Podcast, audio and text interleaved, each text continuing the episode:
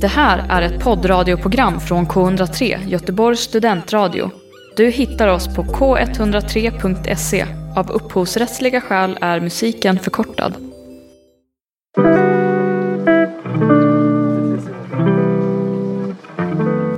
Två derbyn med varierande mängd pyroteknik och polisiär närvaro. Vilket var egentligen det mest rafflande? I centrum har vi ett ÖIS som kämpar för sin plats i Superettan. Vi möter både ett Gais med plötslig medgång och ett Utsikten som absolut inte vill upp i Allsvenskan. Vad hade dessa matcher gemensamt? En genuint dålig stämning. I första avsnittet av Emma och Märta går på match går vi igenom hur bottenångest ser ut på nära håll. Kanske frågar ni er själva om det är en podd om fotboll eller psykisk ohälsa. Tack. Hej. Hej. Välkommen. Hur är läget? Det är um, mycket känslor Mm. just nu. Mm.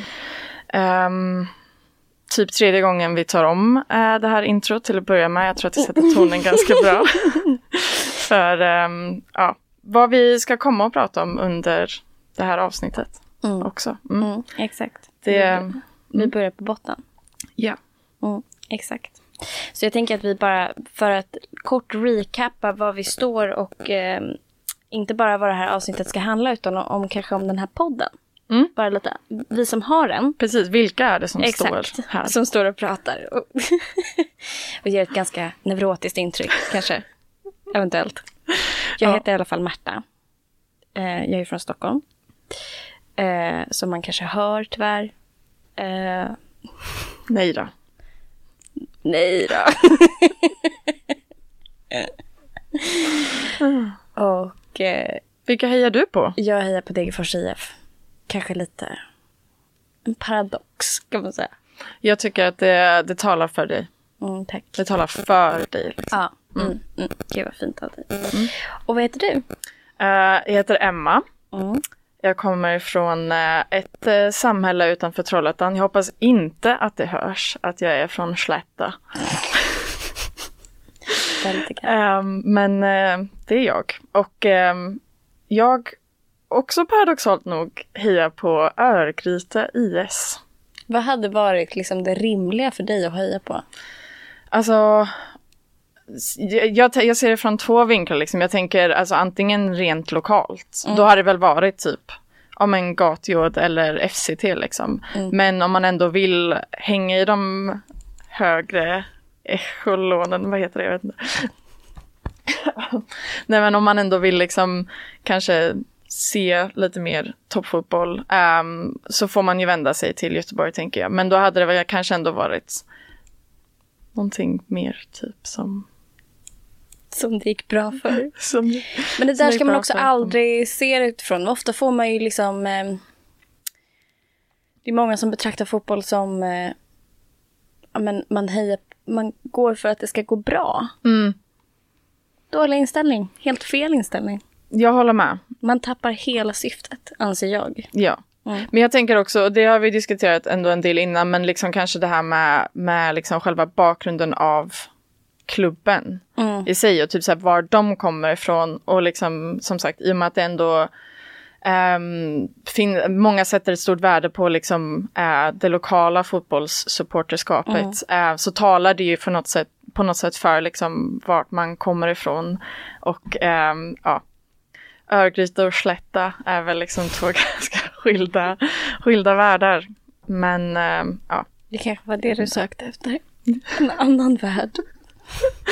Precis. Stockholm och Degerfors är också ganska olika platser. Precis. Eh, skulle man kunna säga. Det är det som är det eh, roliga. Ja. Det känns lite övertydligt om jag ska gå in på det.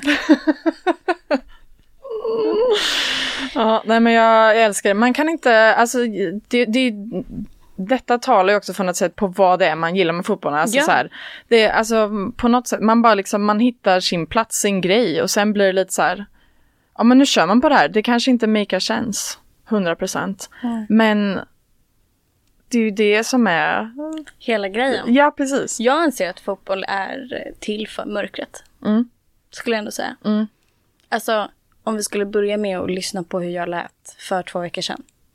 När jag kom liksom nybakad från fotbollshelgen då Degerfors ställdes mot Sirius. En annan gång. Eh, han bokar de här biljetterna. Jag säger, ja men okej. Fast ja, vi måste ha sittplats. För jag tänker fan inte stå i någon jävla klack. På, det spelar ingen roll vilken sida liksom. Nej, exakt. Jag vill, bara, jag vill bara ha en sittplats. För jag insåg ju, jag kommer ju inte kunna se en enda blund, säger man så? av den här matchen. För att samtidigt, parallellt, spelades en match på Studenternas. Där eh, Sirius ställdes mot Degerfors. Klubben som jag, ja, tyvärr håller på. ja, det är ju på något sätt mäktigt när AIK intar en, en bortaplan. Hela ståplats helt fullsmockad. Det är liksom eh, så mycket folk och tyvärr då jag eh, hade återigen min parkas på mig. Det är en användande där alltså. Är en parkas? Nu börjar jag tänka på det. Behöver en parkas vara grön för att vara en parkas? Nej, Du tycker inte det? nej, För det är inte en trenchcoat. nej precis. Nej. Tack. ja, och så sitter jag där. Min pappa och min lillebror är samtidigt på matchen på Studenternas. Mm. De skickar lite bilder. Ser ändå klarblå himmel. Ja, söndag. Det var nästan klarblå himmel på eh, Hisingen. Eh, Bravida Arena är ju inte känt för att vara den vackraste av arenor. Det är ingen, ingen sexig arena. Nej, alltså Det, det är det inte. Men det är samtidigt någonting, det blir så jävla varmt på bortaläktaren. Och sen eh, sitter jag där och jag tittar ju då hela tiden på eh, Din mobil. ja, Sirius Degerfors. Eh, helt plötsligt så tittar jag upp och det är liksom bara svart rök överallt. Nej. För då har jag, ja, nej, verkligen. För då har ju ehm, klacken smält av x antal bengaler. Det, eh, och jag känner kvävande. Jag känner kväv. Jag är heller inte så van vid att stå på läktare där det händer. Eftersom, alltså, Degerfors, alltså det, det, pyro sker av och till. Men det är inte konstant. Nej, okej. Ehm, och eh, Detta blev liksom en fysisk manifestation av din bottenångest. Alltså verkligen, verkligen. Och jag, jag känner nästan att AIK-arna själva sköt sig i foten. För det är så otroligt panikartat att vara omklädd av svart rök på det sättet. Och jag bara försöker se den här taffliga Discovery-sändningen på Mattias jättelilla telefon. och hade på mig så här airpods. Så jag försökte ja, helt enkelt ehm, Rodda det. Ja. jag försökte råda det. Nej, men, och den matchen. Men jag börjar nästan gråta när jag tänker på det. men, ehm, det går bra. Degerfors gör två mål. På tilläggs, tilläggstid gör Rasmus Örqvist mål. Eh, och eh, ja, det var ju jättekul. Det är också väldigt kul att vara på en annan match då, för då ropar de ju ut nu har Degerfors gjort mål mot Sirius på sådär, alltså ändå härligt att höra. Det här är också första gången under hela den här allsvenska säsongen som Degerfors går eh, ja, men i halvtid leder.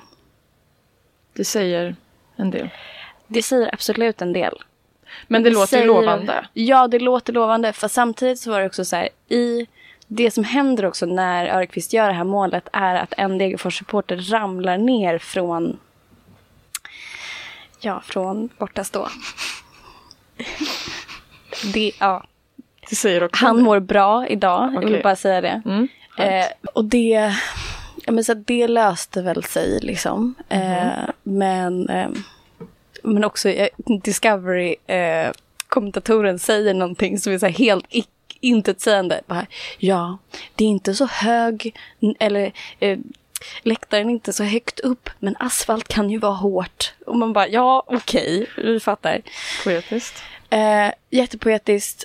Och jag känner ändå att så här, okej det här är första gången de leder i halvtid. Det är inte bra.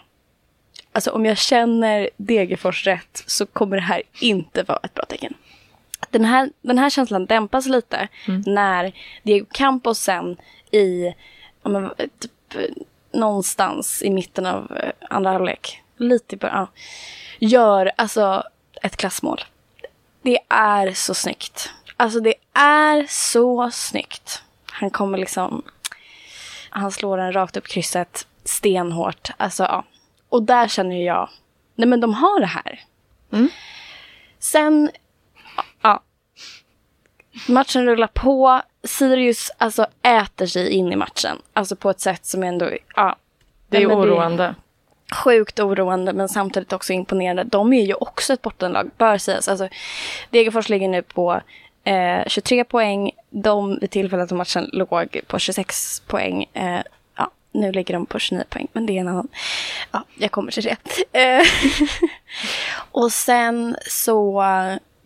Ja, Degerfors blir stressade. De börjar maska som fan. Som, som man gör. Som man ju gör. Och det här, på ett sätt så kände jag så här, fan vad skönt de får typ en revansch för att de också så här, bara har, eh, de har förlorat sina senaste matcher, varav det var AIK och Malmö då. Eh, de maskar som fan under de här matcherna. Bland annat på AIK-matchen sätter sig Nordfeldt ner jättelänge. Eh, och liksom, ja. Och det är ju typ det mest provocerande. Mm. Men tror Sondre Rosbach ska ju då också sätta sig ner i den här matchen som de leder med 2-0. Mm. Det här gör att det blir en tilläggstid på åtta minuter. Och de här åtta minuterna historiskt dåliga för Degerfors. De lyckas släppa in tre mål på åtta minuter. Och det är som att man inte tror att det är sant. Alltså vid första målet så kände jag bara så här, nej men nu måste de ju packa ihop och bara totalt bara, nej men vakna till lite. Precis. Uh. Andra målet var spontana känslan, okej, okay, Eh, men om de kryssar ändå oförändrat tabelläge. Och sen är det då lite fördröjning. Jag behöver springa av. Eh, alltså, eh, jag behöver springa från läktaren, ställa mig bakom liksom, ja, Bravida Arena. Lutar pannan mot någon typ av betongblock eh, och får då ett sms från pappa. Då står det 2-2. Och då skriver han Fy fan. Och då förstår ju jag att ja, min Discovery-sändning är alldeles för seg och när som helst ja, slår det till. Mm. Ja. Nej, men jag vet inte vad jag ska säga något mer. och det var ju liksom... Men det här är ju definitionen av spiken i kistan. Mm. Det är ju verkligen det. Det är, ja. Nej men nu är det officiellt kört. Mm tror jag. Sen kan man alltid prata om alltså BPs spelschema och att de kanske inte tar några fler poäng på säsongen och det hade ju varit jättekul. Men frågan är om Degerfors gör det. Hur känner du nu? Nej men eh, alltså nu, nu må jag ändå börja landslagsuppehåll, alltid skönt på något sätt. Fast också lite frustrerande i det att man bara, ja ah, men okej, men nu, nu är det bara upp på hästen igen. Alltså nu kör vi. Men sen så, så blir det ju inte det. Eh, utan man, man får stanna upp och reflektera, tänker jag. Ja, men alla möten är ju ångest nu. Så att, så, ja, nej men absolut, Kalmar. Mm. Kalmar mm. hemma. Men det är ju, ja, det kan ju, det kan ju bli hur som helst. Mm. Men jag tror en, en stor anledning till att det, det kändes eh, bra var ju också att vi hade gått på så många matcher. Där det gick ännu sämre för ett lag. Nej, no. Alltså, wow! Okej, okay. wow. Ja. Vi har ju varit på två derbyn här i Göteborg. Ja, helt ja. inom loppet av typ tre veckor. Ja, mm. nej men det var underbart. Så speciella mm. matcher. Ja, men det är också det som är, du hade ju en annan uh, sits där. Ja, men ehm, och det är väl det vi kommer att återkomma till under det här avsnittet. Eh, mm. Och lite det som är take away-grejen är så här att det är ändå skönt att känna någonting. Kan inte du berätta lite om ditt supporterskap? Ditt eget supporterskap? Jag känner att jag har sålt ut mig själv här. Och kanske bara bör sägas att så här, vi pratar om Degerfors IF som ligger på nu eh, nedflyttningsplats i allsvenskan. På 25 poäng. Nej, jag skojar. Inte alls. 24 poäng. Försök inte lägga till några poäng Nej, jag vet. Eh, och sen pratar vi om ÖIS. Örgryte IS som ligger på... Vad är det för plats? Emma? Åh gud, det är typ det enda jag inte hade kollat. De ligger i alla fall på 14 plats i Ja. Superettan. Så- Vilket innebär nedflyttningskval. Precis, vilket är eh, ett eh, enormt kliv upp från hur det såg ut efter Gais-matchen. Då låg de ju alltså sist, Verkligen. absolut sist. Ehm, men eh, ja, hur, hur kommer man in på liksom um, öjsandet? Det är en väldigt bra fråga. Ehm, det är inte så att någon i min familj är eh, intresserad av fotboll överhuvudtaget. De är, det är en uh, motorsportsfamilj. Um, slätta. Nej, men eh, faktiskt så att eh, min pappa och min moster hade träffat varandra i rallysammanhang innan min mamma och pappa träffades. Va? Ja.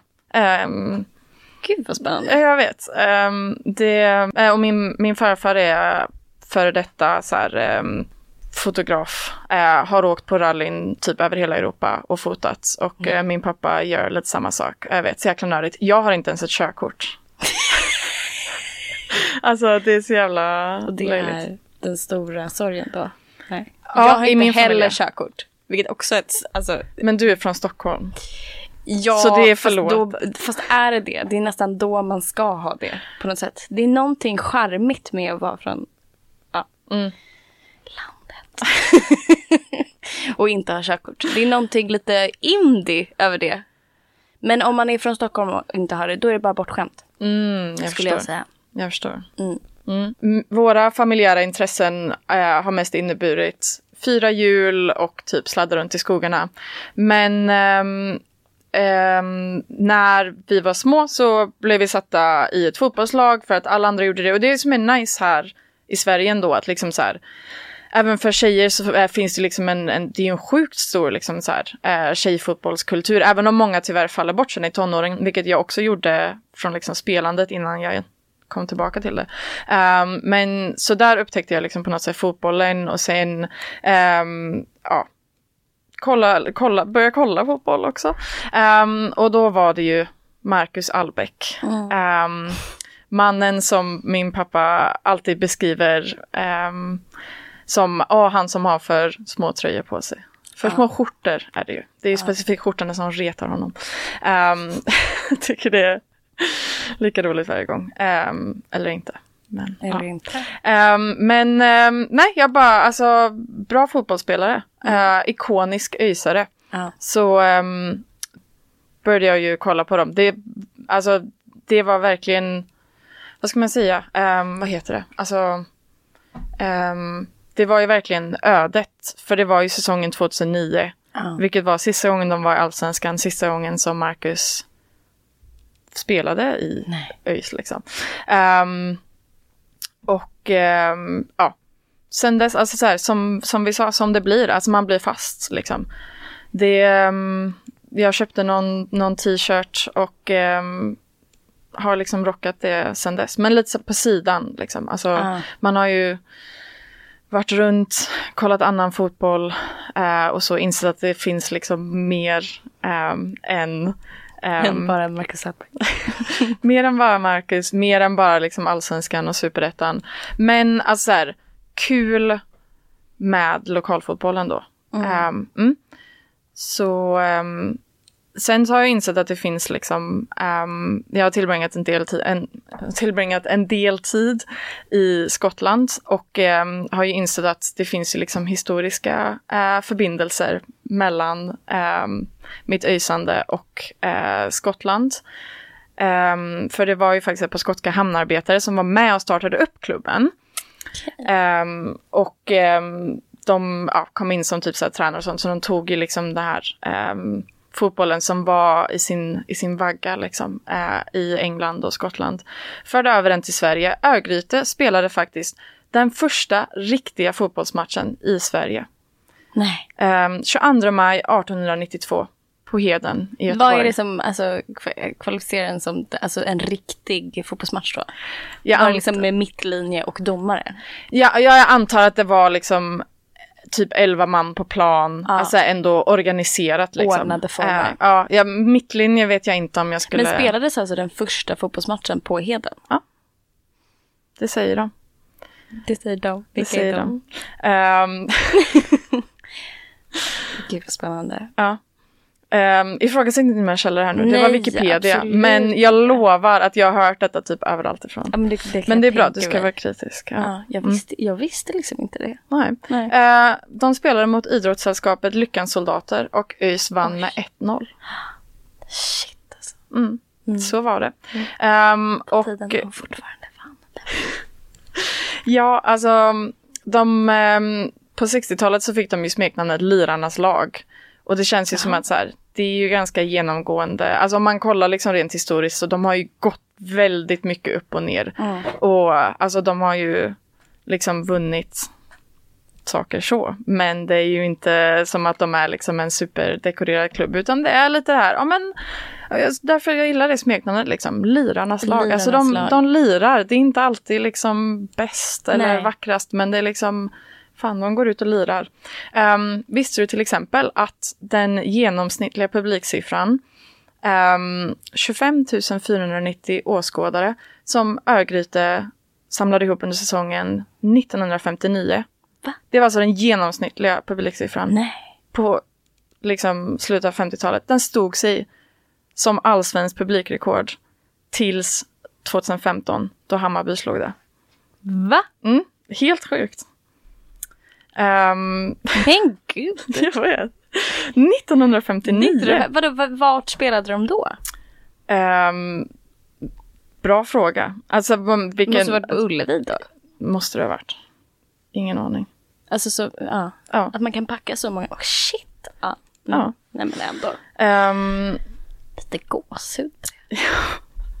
ehm, nej men eh, som vi sa så senaste gången som Örgryte var i Allsvenskan var ju 2009. Och eh, så rasade de ju ner i division 1 efter konkursen 2010. Okej.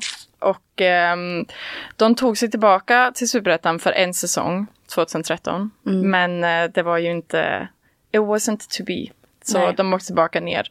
Eh, men sedan 2016 så har de ju spelat i Superettan. Ja. Har de ju gjort Ja. liksom. Eh, med otroligt varierade resultat. När har de varit som närmast? Att bli nedflyttade. 2018 kom de fyra. Ja, okej. Så det var ju ändå liksom Ja, där, där, där fanns en pik. Där, där, där, pikar de. Nej, sen eh, förra säsongen 13 plats. Säsongen innan det 8. Säsongen innan det 12. Så det är liksom, Ah. ja, du förstår. Det är väldigt, eh, väldigt upp och ner. Ehm, så, Gud vad, vad tryggt det där lät när du gick igenom det där. För att jag kände på något sätt att om vi, om vi pratar Degerfors-kontexten Mm. där eh, de har legat i superettan ungefär hela mitt liv. Ja, lite av och till. Någon liten, litet svep där nere. Och sen, och sen gick de ju på Allsvenskan eh, 2021. Blir det? det känner jag att jag vill ha ett avsnitt om också. När det hände. Vad, vad, du, vad du var och vad du gjorde när det hände. Ja. Jag satt på en parkbänk och hade corona tillsammans med min mamma. För att jag var tvungen att lämna huset för att jag hade sån ångest. Wow. Fotboll är verkligen starkt förknippat med mental ohälsa. Ja, Både för mig och för dig skulle jag säga. Ja. Men det kan vi ju återkomma till. Mm. Men jag vill bara Det här, påpeka där ja. igen att du hade lika mycket ångest där, fast åt andra hållet. Alltså Verkligen. det är det som är Nej men det är bara, Ehm. det är bara hemskt. det löjliga. Mm. Ja, nej men, eh, nej men och att det finns någonting i, ehm, i här ständ, den här ständiga dramatiken. För de här senaste åren har varit så extremt packade av ångest. Förlåt, nu insåg jag, de klev upp 2020. Mm. För nu, ja, det är lite svårt det här med säsonger för att de överlappar. Ja. Det är under corona så det är okej. Ja, exakt. Allting smälter in i sig Eh, självt ändå. nej, men det finns någonting... Eh, eftersträvansvärt när det kommer till bara man slutar en säsong på åttonde plats. Jag tycker det låter så mysigt. Jag känner bara Degerfors får jättegärna åka ner egentligen. Jag vill bara den här dramafria, ett år utan dramatik. Där säsongen avslutas med en match som ingen går på. För att man redan vet att resultatet är fastslaget. Liksom. Ja men det, det står sig i typ ett år. Sen vill du ju ha Dramatik. dramatiken igen och utmaningar. Ja, men man har ju grejen. tillräckligt mycket eh, dramatik i början av en säsong för då kan ju fortfarande allting hända och sen ser man ju lite utbränd någonstans där i augusti och då känner man bara, nej men nu bara stab stabilisera, stabilisera. och det är ju det som är, Degerfors eh, senaste år har ju alla avslutats, eh, nej men bestämts liksom på sista, i sista omgången. Mm. Och det är ett problem, tror jag. Mm. För, för mig, mm. personligen. Vi har ju fyra matcher kvar av ja. liksom den ordinarie säsongen. Um, och som det ser ut för Örgryte vid det här laget så är väl det bästa vi kan hoppas på att vi snor åt oss en av kvalplatserna liksom. Ja. Och då blir det ju mer matcher, mer drama. Och ännu längre säsong. Och ännu mer bottenångest. Ja. I alla fall. Ska vi lyssna på hur det lät eller?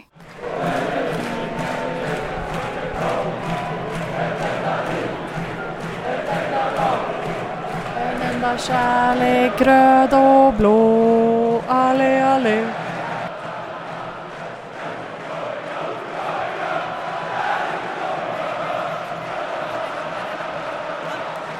Gais ligger på kvalplats på 42 poäng.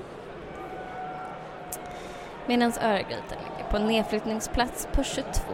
Så det här är ju liksom, det är ju verkligen, eh, det är en annan matchbild än den som fanns i början av säsongen när de möttes och ÖIS vann med 1-0. Det är vår värdighet som står på spel när vi sitter här och diskuterar de här lagens framtid. kan vi lugnt säga. Ja, ja vi liksom frivilligt spelar in det här också. Det är det som är det roligaste. Ingen har frågat oss om vi vill gå på derby. Men vi ville göra det själva och det är det viktigaste med att vi sitter här nu. Det är verkligen det viktigaste. Jag tänker att jag gör det för min farfar. Som än idag, jag, lär, jag kom på det att det är ju liksom 50-talet vi snackar när han, när hans stora Gais-trauma när liksom, när de vinner när de blir svenska mästare och året efter så åker de ur allsvenskan. Och det är ett trauma som vi fortfarande får höra om. Eh, men nu var det i alla fall ända sedan 2011, 2012 som jag upp i allsvenskan senast. Och det är ju, ja, nu börjar allsvenskan kännas närmare och närmare tror jag för. Kan vi lugnt säga dessa timmar som de här manliga supportrarna har lagt ner på att pyssla ihop de här banderollerna. Det...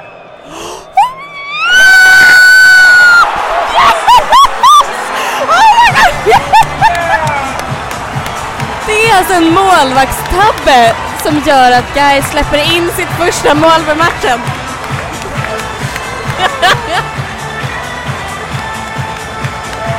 Ursäkta, det var tunnel in i mål på målvakten. Gud vad bra. Ja, nu, nu är det stämning. Helt plötsligt så lever matchen lite igen.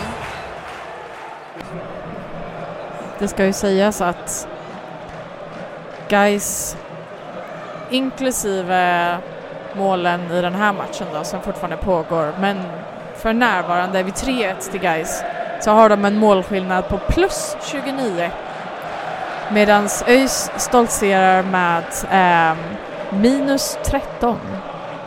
Så eh, med det vill jag ha sagt att eh, det var starkt av Örgryte att få in det där målet alltså. Åh, oh, så jäkla snyggt! Åh, oh, kom igen då! Oh. Oj, oj, oj, oj, oj! Kom igen! Oj! Oj, shit. Oj.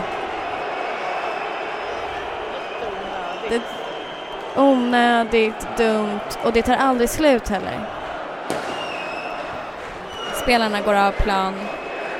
Matchen tvingas avbrytas. Frågan är om den ens kommer kunna spelas kvar. Klar. Det är liksom, ja, nej men jag skulle ändå kalla det högst ovärdigt. Att avbryta en sån här match på det här sättet. Eller vad skulle du säga? Högst ovärdigt? Högst ovärdigt, ja. Um, för nu är vi fast i någon slags limbo. Uh, alltså jag menar, uh,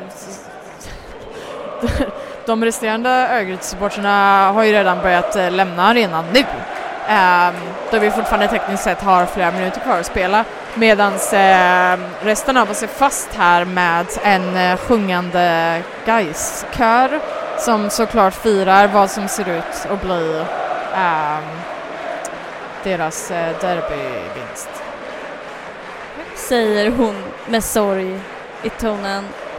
För ÖIS har ju spelat väldigt bra mot Gais innan. Eh, så det är tråkigt. Ja exakt, ni tog ju förra derbysegern. Jajamän, det var underbart.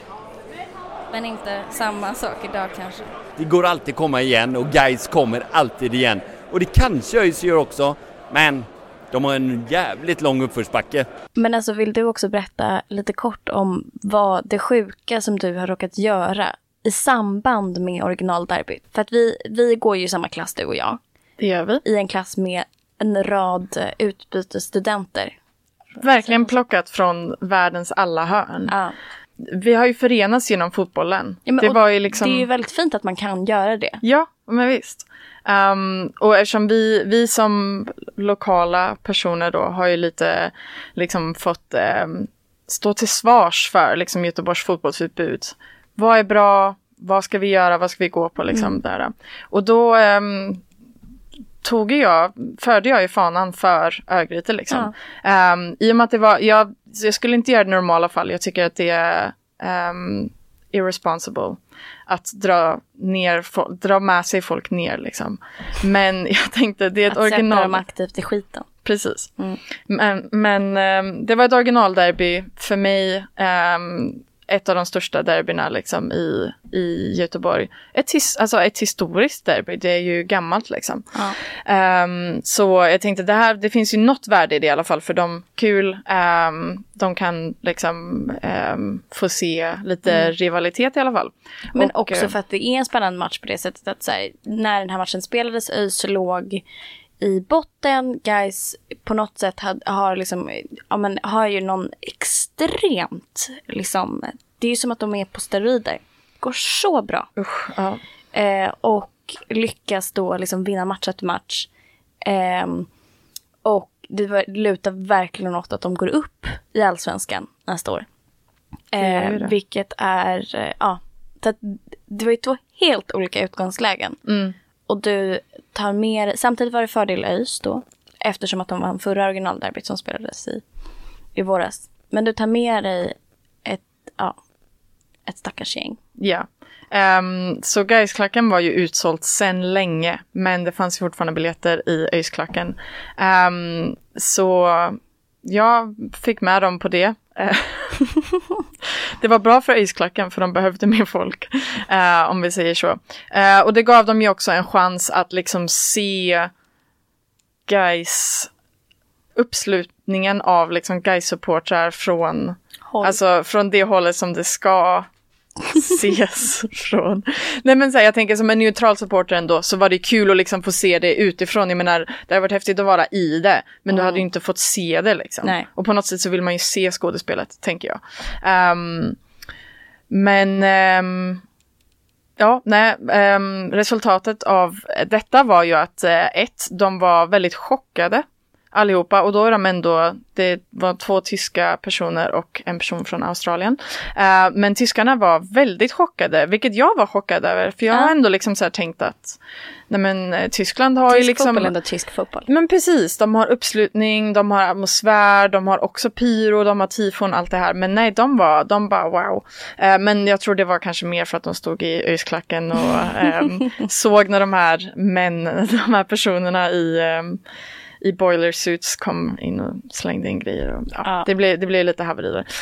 Um, nej men så eh, ett, de var chockade över det. Två, de är, har alla konverterat till guys.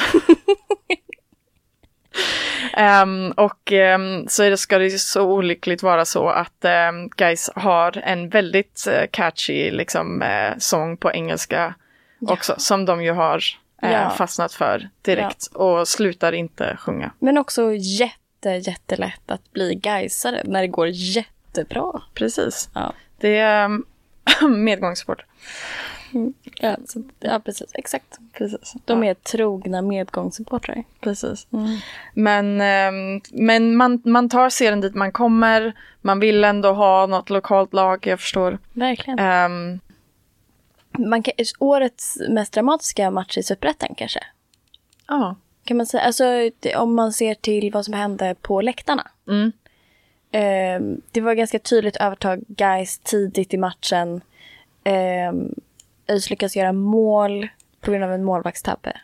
Ja, det var ju, ehm, det var ju en peak i matchen. Det kändes ändå som att det var, det, det, det hade kunnat vända där. Verkligen. Jag kände det. Men ehm, Jag bara verkligen. Ja, he, ja det hade verkligen kunnat vända där. Vi kan säga det. tack. Och, men, och sen så är det liksom det där så här. Frustrationen ökar. I halvtid var ju jag över och skulle ta tempen. Vilket fortfarande mitt konstigaste journalistiska beslut hittills. Inte hunnit ta så jättemånga kan vi inte säga. Men det var, ja. Går över, klättrar in, också så här, förlåt. Men om det kommer någon jävla tjeja över och prat, låter som jag gör. Och ska ställa lite frågor om hur det känns. Nej men alltså, När man ligger under 2-0 mot guys. ja. Nej men det är ju nackskott. Ja, Och- jag är bara glad att jag lever. jag lever idag. Och sen tog jag, ö- tog jag mig tillbaka till dig och det var mycket skönare. Ja. Och andra halvlek satte igång. Också händelserik. Det var ju då ÖIS lyckades göra mål. Ja. Ehm, ja, det blev spännande där för en sekund, men sen så det var ju lite startstopp dessvärre, Eh, vilket var trist för atmosfären och det blev en lång, lång kväll Verkligen. på många olika sätt. Um, alltså, den kanske kändes som allra längst när matchen äntligen drog igång igen efter ett så här 40 minuter långt avbrott och alla andra hade gått hem. Men mina kompisar tvingade mig att stanna kvar och jag tvingas se guys göra 4-1 Mm. på den här enorma övertiden. Nej, det var, Det var mörkt. det var, det var bottenångest. Ja. Totalt. Totalt. Och så liksom också den där man går ut utanför arenan och sen så sitter liksom så här, sura killar i eh, svarta vindjackor med huvud, ansikten ner i marken, inte ansikten med den här, men tittstirrar ner i marken och poliser som bara omringar. Och alla sitter liksom som en liten förskoleklass. Och väntar på att bli ivägsläppta. Mm. Eh, det var ju också ångest. Det var liksom, det är den där känslan av att man, jag vet inte, skjuter ut sig en utekväll och börjar gråta på slutet för att det inte gick, typ. Det blev dåligt ändå. Mm. Och det är ju det som är liksom sensmoralen i, i hela den där matchen. Och ÖIS blir liksom närmare och närmare avgrunden. Ja. Mm. Men sen så hade, fick vi ju några goa, goa inflik från, till slut. När la sig din bottenångest efter den matchen? Oh, det tog ett par dagar. Det gjorde det. Ehm, ja. Och ehm, våra klasskompisar lät ju mig inte glömma det heller. så det tog ännu längre tid än vad det normalt sett hade gjort. Vaknade upp så här mitt i natten, kallsvettig. Tänkte på. Nej, faktiskt inte. Det, ehm, Mervan Felix ansikte bara flög runt. precis. Mm. Det, det hade jag inte haft något emot i och för sig. Du hade inte det? Oh. Nej. Den matchen, det var ju vad det var på något sätt. Alltså, jag tyckte aldrig att äh, Örgryte liksom, ehm, de, de, they never showed up. Nej. Medans Mm. vårt nästa derby, Ja, där har det ju varit lite mer men då var, då var det lite ljusare. Innan. bokstavligt talat. Nej, men det, var, det var bokstavligt talat mycket ljusare. Men också för att Örgryte spelade en match emellan där. Vinner mot Gävle. Eh, med 1-0. Ja, Helt plötsligt ligger tre poäng i tabellen. Som, ja. Wow, det ser vi så sällan. Så det... Nej men exakt, det, var, det, det kanske fanns någon så här, nej men för att ibland så för att verkligen, jag vet inte, komma tillbaka så behöver man ju vara på botten. Mm. Och eh, så då gick vi på det andra derbyt. Som också har en historia bakom sig egentligen. För då mötte ju Utsikten. Och Utsikten är ju ett väldigt spännande lag. Denna säsong. Det är de. Har kommit liksom, ja, man skulle kunna säga har kommit från ingenstans. Men det har de inte. Utsikten egentligen. För nu måste jag bara, förlåt. Nu måste... Nej men Utsikten eh, klev upp i Superettan 2022. Förra säsongen. Hamnade på en elfte plats då. Då kom de direkt från division 1. Mm. Utan förra säsongen som 11 och så nu det här året. Och sen har de gjort några sådana så här, eh, klockrena... Eh, det har bara gått jättebra den här säsongen. De har legat etta ganska länge. Ja. Eh, och sen så är det någonting som händer nu efter sommaren. Helt plötsligt så har de typ bara slutat vinna. Dun, dun, dun. Så det är liksom så här... Eh, och, och de har ju en väldigt lit, de har en liten skara supportrar kan Mhm. man säga. Eh, och alla har väl lite varit så här, shit vad fan kommer hända om Utsikten går upp i Allsvenskan nästa år? Mm. Det kändes ju liksom lite sjukt. Ehm, Och kul ändå. Och- alltså ja. upprättelse för liksom små klubbar på något sätt och att eh, ja, verkligen. man behöver inte ha resurserna av de här stora innerstadsklubbarna liksom för att Exakt. ändå Och sen samtidigt Ja. finns det den delen av det som är så här, men samtidigt tillhör Utsikten Göteborgs kommun.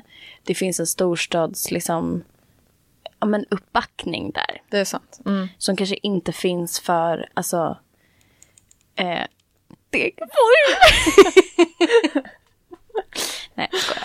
Nej, men du förstår vad jag menar. Att Ja. det är så här, de är smålag som, som har oväntat stora ekonomiska förutsättningar.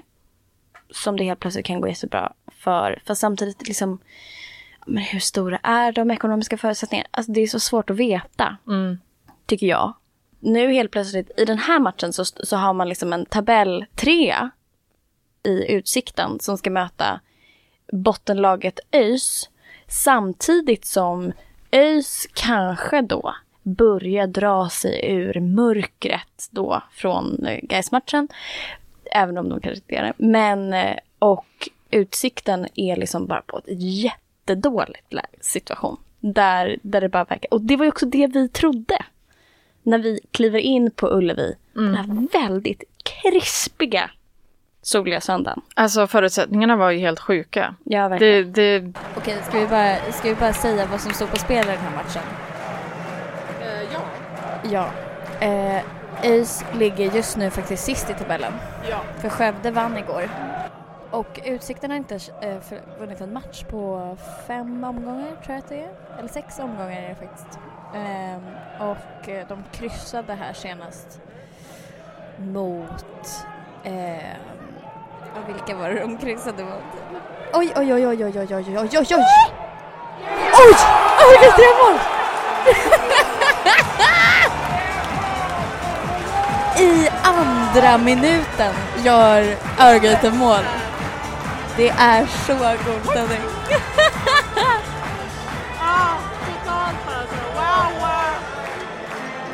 Oj, nu är det grejer som händer här. Oj! Nej. Okej, det hände ingenting. Mer än Det där var, det där var true box. Mer att det var, att det var Noah Kristoffersson som gjorde det. Jag tror att det var därför vi reagerade. tror jag i alla fall. Men jag vet inte hur du känner. Vad va? Det var Noah Kristoffersson.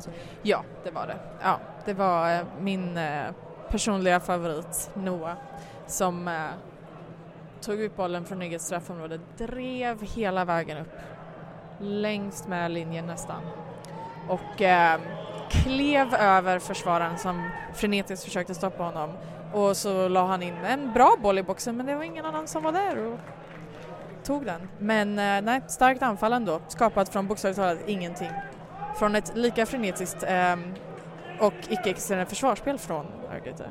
Men eh, nu kommer utkiken.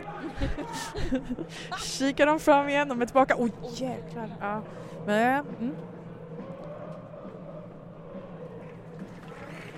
Nej men det är... Oh, de håller oss på tårna här gör de. Det, det är ändå spännande. Får man väl säga, eller? Nu ler hon lite här. Det... Är jättespännande. Det är jättespännande. Nu är det chans att Örgryte. Oj! Oj, det är straff! Det är straff! Nej, det är inte straff. Eller? Är det straff? Nej, vad är det? Vad är det för någonting? Kan det... Okej. Okej, det är straff. Det är straff för Örgryte. Nej, nej det gjorde han inte. Han förstärkte inte. Han förstärkte inte, tycker jag inte jag. Okej. Vänta, är det frispark? Nej. Nej, det är straff. Jävla god stämning här nu. Det var en, eh, en snygg straff. En säker straff. Vad hände i halvlek? Nej, men det är någon så här... Det är liksom som en restaurang där inne. Jag får akta mig här också för det faller eh, Nej, men ketchup och rostad lök och... Inför den andra Jag har halvleken allt. så ska Utsikten göra ett lyckas- lyckas ha på jättemycket ketchup över hela korven. Behöver torka av det med servetten. Men jag får också lite feeling mitt i allt att jag ska ta en tugga av korven för att jag är så hungrig. med nummer 27. Så att jag tar liksom för den 77, väldigt ketchup. Liksom kletiga servetten mot min haka.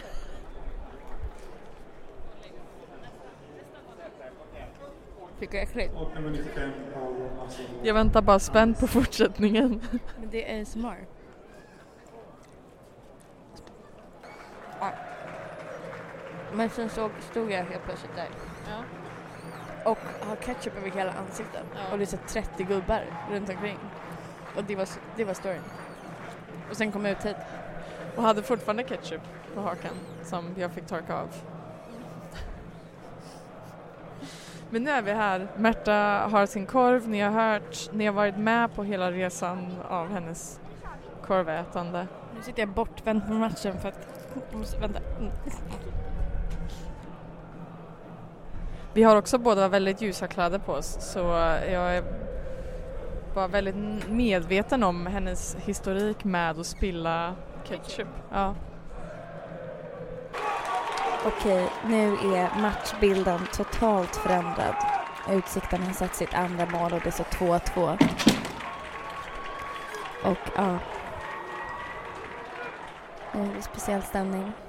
Okej, Emma, vad är dina tankar? I den 67 minuten så kvitterar Lyckan är kortvarig för en eh, ÖIS-support. ÖIS har ju helt bara fallit ihop. Um, jag kan inte låta bli att känna att uh, vi har ett visst um, ansvar i det här Märta, för det var när vi började prata om andra saker och la ifrån oss micken en sekund som det hela bara föll isär. Alltså okej okej att det här hände händer liksom sista minuterna av matchen typ men alltså vi har, det har gått liksom det är med, precis som vi sa tidigare farligaste ledningen och ha 2-0. Man slappnar av, vi slappnar av, vi började prata om andra ångestfyllda grejer istället. Ehm, och eh, nu Vi kan ändå få med oss någonting från den här matchen bara för att solen sken, luften var klar, Alltså, himlen var blå. Ja. Så underbart. Ehm, och vi satt ju liksom på pressläktaren så vi hade ju solen på oss hela matchen. Ja. Det var underbart. Och det började ju bra också. Jättebra. Alltså typ en minut in jättebra. Mm. Exakt. Nu kan ju Um. lyssna på hur det lät. Jag tycker nästan att det roligaste med ditt öjsupporterskap som lite kom fram kanske tydligare på den här matchen. Om man jämför med gais matchen För då var det ganska, det var ju ganska många människor mot Gais. Men, men här var det lite mer utsorterat kan man säga. Ja, Och det- då kom det ju verkligen fram. ÖIS supporterstilen. Ja. Ja, kan man säga. Mm. Eller vad tycker du? det är ju här, ja, det är ju här jag, det skär sig för mig med eh, min identitet som öjsare och ehm, hur andra som eh, har en liknande identitet eh, är. kanske. Exakt. Men det är ju samtidigt det som är... Och precis, det som är charmen. men i detta fallet var det kanske inte så charmigt. Nej, exakt. Sjukt mycket testosteron i matchen och på läktaren. De här, ehm, ehm, vad heter det, um, alltså en kappa. Säger man bara så, alltså att det är en kappa bara? Framgår det liksom, alltså det var ju en väldigt liksom stilig Stilig publik. Ja men, ja, men jag tänkte speciellt på den killen, alltså Ja. han var ju på något Nej, sätt men man liksom- har, man, ja, men man har en rock. Precis, det, det, Svart det, rock. Ja. Han glider in med en svart rock och en portfölj Ja. och bara ställer upp den på liksom Knäpper upp också så som man gör med en portfölj. Alltså som en sån, sånt ger mig alltid en sån känsla för såna här träväskor man hade när man var liten. Eller inte trä utan typ i kartong. Mhm. Som, alltså hur ska man beskriva Hur dem? gammal är du? De var röda. Men de var men, röda. Och så var de liksom alltså barnväskor så hade den så vita, Ja, ja. vita liksom kanter med spännen. Och så kunde man ha typ en docka där i. Och så, så hade de typ ett mönster inuti. Och de var verkligen gjorda i typ wellpapp. Det var, Ja. Alltså såna här portföljer ger mig alltid den känslan. Också när man knäpper upp dem för att de är för hårda i relation till vad det är, vad funktionen är, vilket är att det ska vara en väska. Liksom. Mm. Man vill inte ha ett så här, ja, jag vet inte, ja, jättespeciell utläggning. Jag håller ju alltid stilmässiga utläggningar. Det är det jag gör bäst. Och framför allt när vi kommer till ÖIS, alltså så snygga färger. Man hade kunnat alltså, ha en fotbollsstil, vilket jag också tycker att du har. Alltså du jobbade trenchcoat. Du hade oerhört snygg ÖIS-halsduk. Jag, jag, jag anammade ju den identiteten också. Ja. Ehm, för det är det som är det äckliga med mig. Att så här, jag gillar ju ändå liksom att... Men dra Liksom, till lite. ja, lite. Alltså man vill liksom bara doppa tån i det. Det är så. jättebra. Ehm, det är ju sjukt indie, men ja. Och liksom försöka mixa ehm, olika omixbara stilar kanske. Men, Nej, ja. fast alltså, jag, tycker att det, jag tyckte du... men höll- sjuk observation med den här eh, väskan, Väskan. förlåt men jag måste tillbaka till den. Mm. Bara för att så här, ja det är ju exakt det som han, han går ju runt med liksom sin, sin version av en docka Ja. i den här väskan. Fast det är Hans dator. hans dator. Med svenska fanskap. med ett Svenska fanskonto. Um, också att han hade en liten kille som kom upp till honom. Mm. Och ehm, nu hörde jag liksom inte exakt men eh, jag förstod på kontexten liksom som att så här, den här lilla killen liksom gav honom en komplimang eh, för Ja. det han gjorde liksom. Och Ja. då tänker jag att det är i... ehm, I. ÖIS-kontexten någonting som han... Precis, Mm. ja. Ja, men det är Ehm, ändå fint. Mm, Jag visst. tänker ofta också på... um, Vi kan ju säga lite vad jag gjorde i, där i halvtid. När det stod 2-0. Jag gick och köpte en korv. Ja. Och det lät så här. Ledde med 2-0. Det var god stämning från din sida. Och det är ju alltid kul att hänga med någon som är glad. För en gångs skull. Eh, och det var liksom... Vi tappade lite fokus kanske också. Mm, Men det ja. var för härligt. Det var liksom, Precis. det var för good to be true. Men som vi vet, en lärdom från matchen Sirius-Degerfors vet man ju att en 2-0-ledning är den absolut farligaste ledningen. Varför är den det, skulle du säga? Ehm, för att man tappar fokuset. Man, Ja. Det blir för mycket av det goda, som du sa. Ehm, och ehm, ja, man slappnar av helt enkelt. Så är det ju. Det är lätt. Livet leker, solen skiner, 2-0, allting flyter på. Men så räcker det ju att uh, ens målvakt läser bollen lite fel Mm. och låter den studsa över sig och resten av försvaret eh, hänger inte Står riktigt med. bara. Ja. Och så, och så kommer det en Utsikten-spelare och slår in den och helt plötsligt så är allt förändrat. Ja.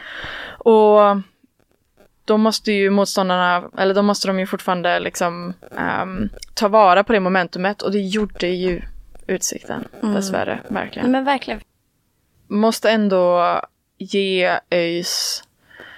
ehm, jag måste ge dem det att de, ehm, de slocknade lite där under några minuter men de kom tillbaka. Ja. Det var nyckelsparkar, Ja, det var just. press, det var liksom Ja. ändå in i det sista för alltså, ja, jag tror, jag, tror, liksom, jag tror att vi kollektivt, hela arenan liksom tappade lite fokus för att vi satt där och päste i solen, åt lite korv, snackade om Olivier Giroud, Ja. liksom, ja, vi bara alla drömde oss bort lite i vårt eget och, och så tog utsikten bara på det, men sen tycker jag ändå att Örgryte visade att så här, Det ska bli poäng av den här matchen. Ja, men precis. Så det får man ändå ge dem, att liksom de kämpar in i det sista. Ja. Och mm, det känns ändå lovande liksom inför Inför slutspurten. kommande match. Mm, Mm, det gör det. mm, och det kan vi ju behöva. Eh, för att eh, jag har ju kollat eh, vad vi har för ehm, eh, tidigare resultat mot Trelleborg. Ja. Och det ser ju inte jättelovande ut. Nej. Ehm, för sist gång vi vann mot dem var augusti 2020. Okej. Det är Så- ju jättebra. Mm. Fast eller så, så kommer det bara vara till Öjs fördel. Precis. Man vet faktiskt inte. Ehm, jag tänker att förutsättningarna nu är helt annorlunda än vad de var då. Ja. Nej men om man ska liksom förstå då vad de här matcherna innebär i termer av bottenångest. Så är ju, eh, jag vet inte, bottenångest är ju, ska vi säga det bara, det är ju en påhittad ångest. Utveckla. Nej men, alltså om man håller på lag som ändå så finns kvar någonstans och existerar med stark supporter, ett starkt liksom, en supporterkrets som gör att laget kommer finnas kvar. Mm. Det kommer gå upp och ner. Det kommer gå dåligt.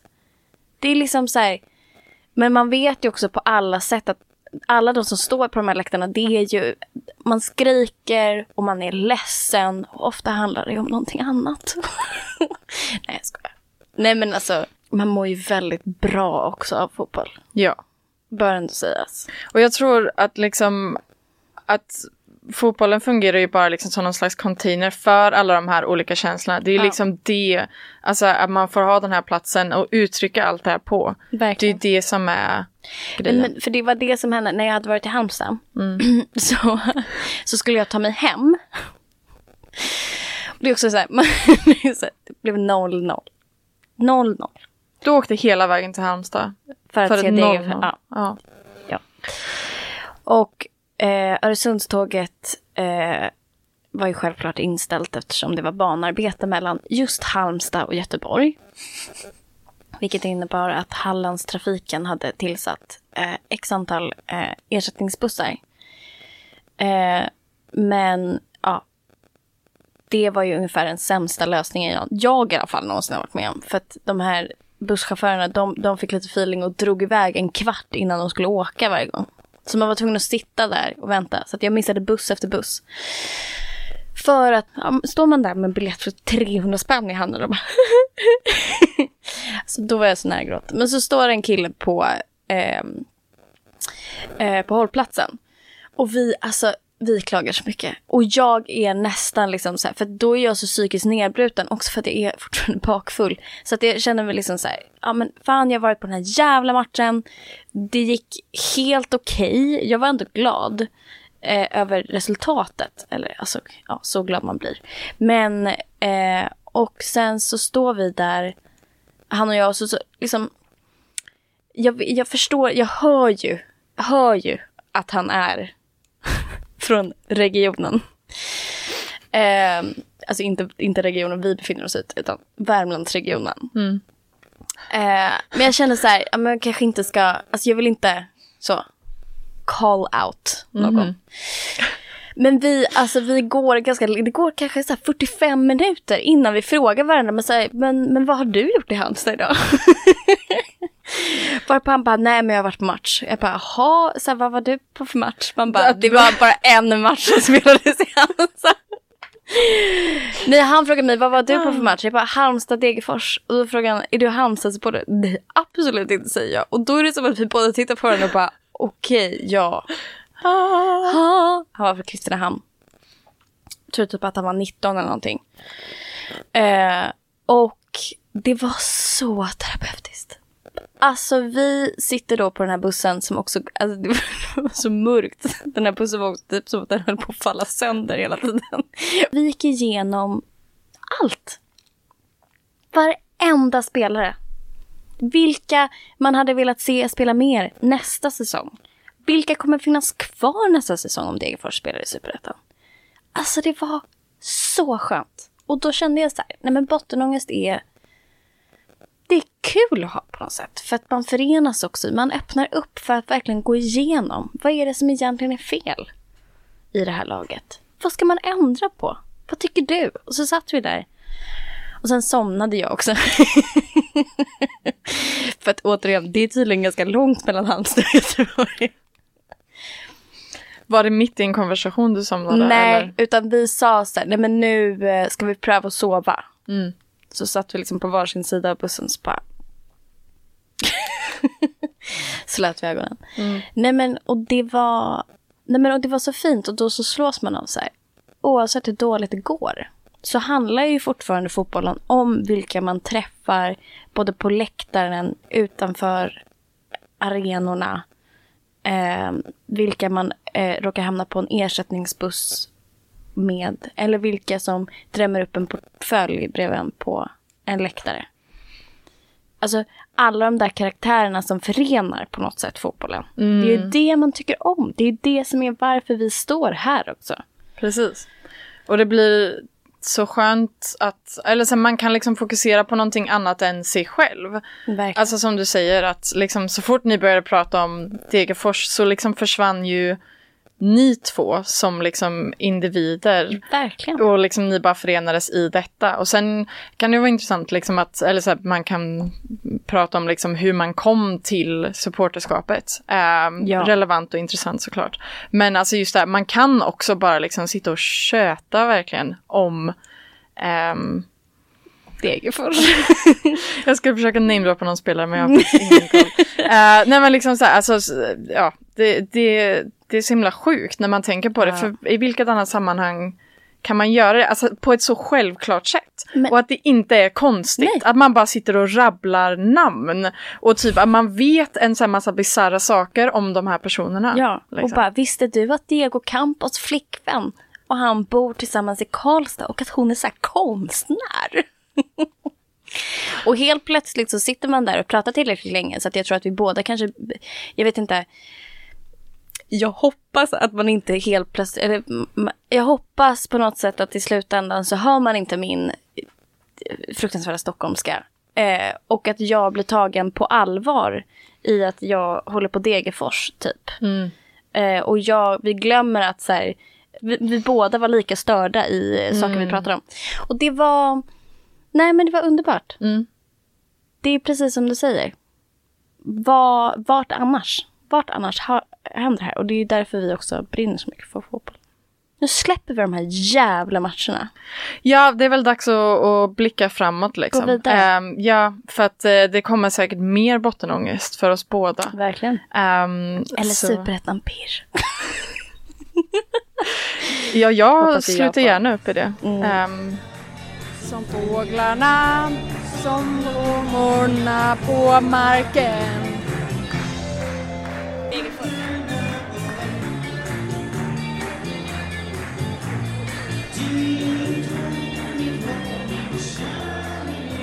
Ah, det är så mycket ris alltså. Du har hört en poddradioversion av ett program från K103. Alla våra program hittar du på k103.se. Följ oss gärna på Facebook eller på Instagram. Vi hörs!